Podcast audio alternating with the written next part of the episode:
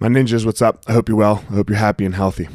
Um, man, I've talked a lot recently about the whole Black Lives Matter movement and and making things equal and equality. And and look, I fully believe this. Like like uh, uh not you know there there's no part of me that thinks that anything is equal. There's no part of me that thinks.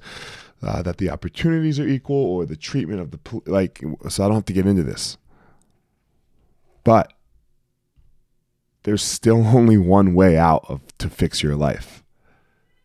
You there's no other way other than you. You can't if you personally are listening to this as an individual and you want to fix your life and, and you want more and you want better, there is only one way. It is you. You cannot wait for things to get better. Things are where the fuck they are. You have to make your life better, and you can do it. You will never hear me say you can't do it. I don't care if you are every minority or ostracized group in the world combined, you can fucking do it. People have done it before you, so you can do it now. Don't think that you are going to have you're, you're going to be able to wait for the government or the police or BLM or LGBTQ movement or or or whatever it is.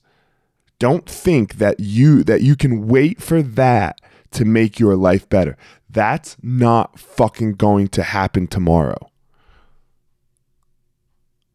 You need to get on making your life better today right now right now. We all do. It is on us and we can do it. Now, part of making your life better might be supporting the movement and might be making the movement stronger and might be whatever movement you're in right it, that like that might, that's going to be part of making your life better but fuck you can't wait for it it's not it's not it that's going to do it for you you are going to do it for you like, you know, I've had plenty of guests on Tyrone, a bunch of people, right? Tyrone isn't going to make your fucking life better. You're going to make your life better.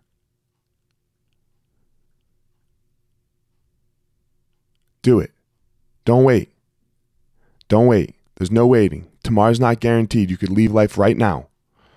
What's going to happen? Let's fucking go. Find your power.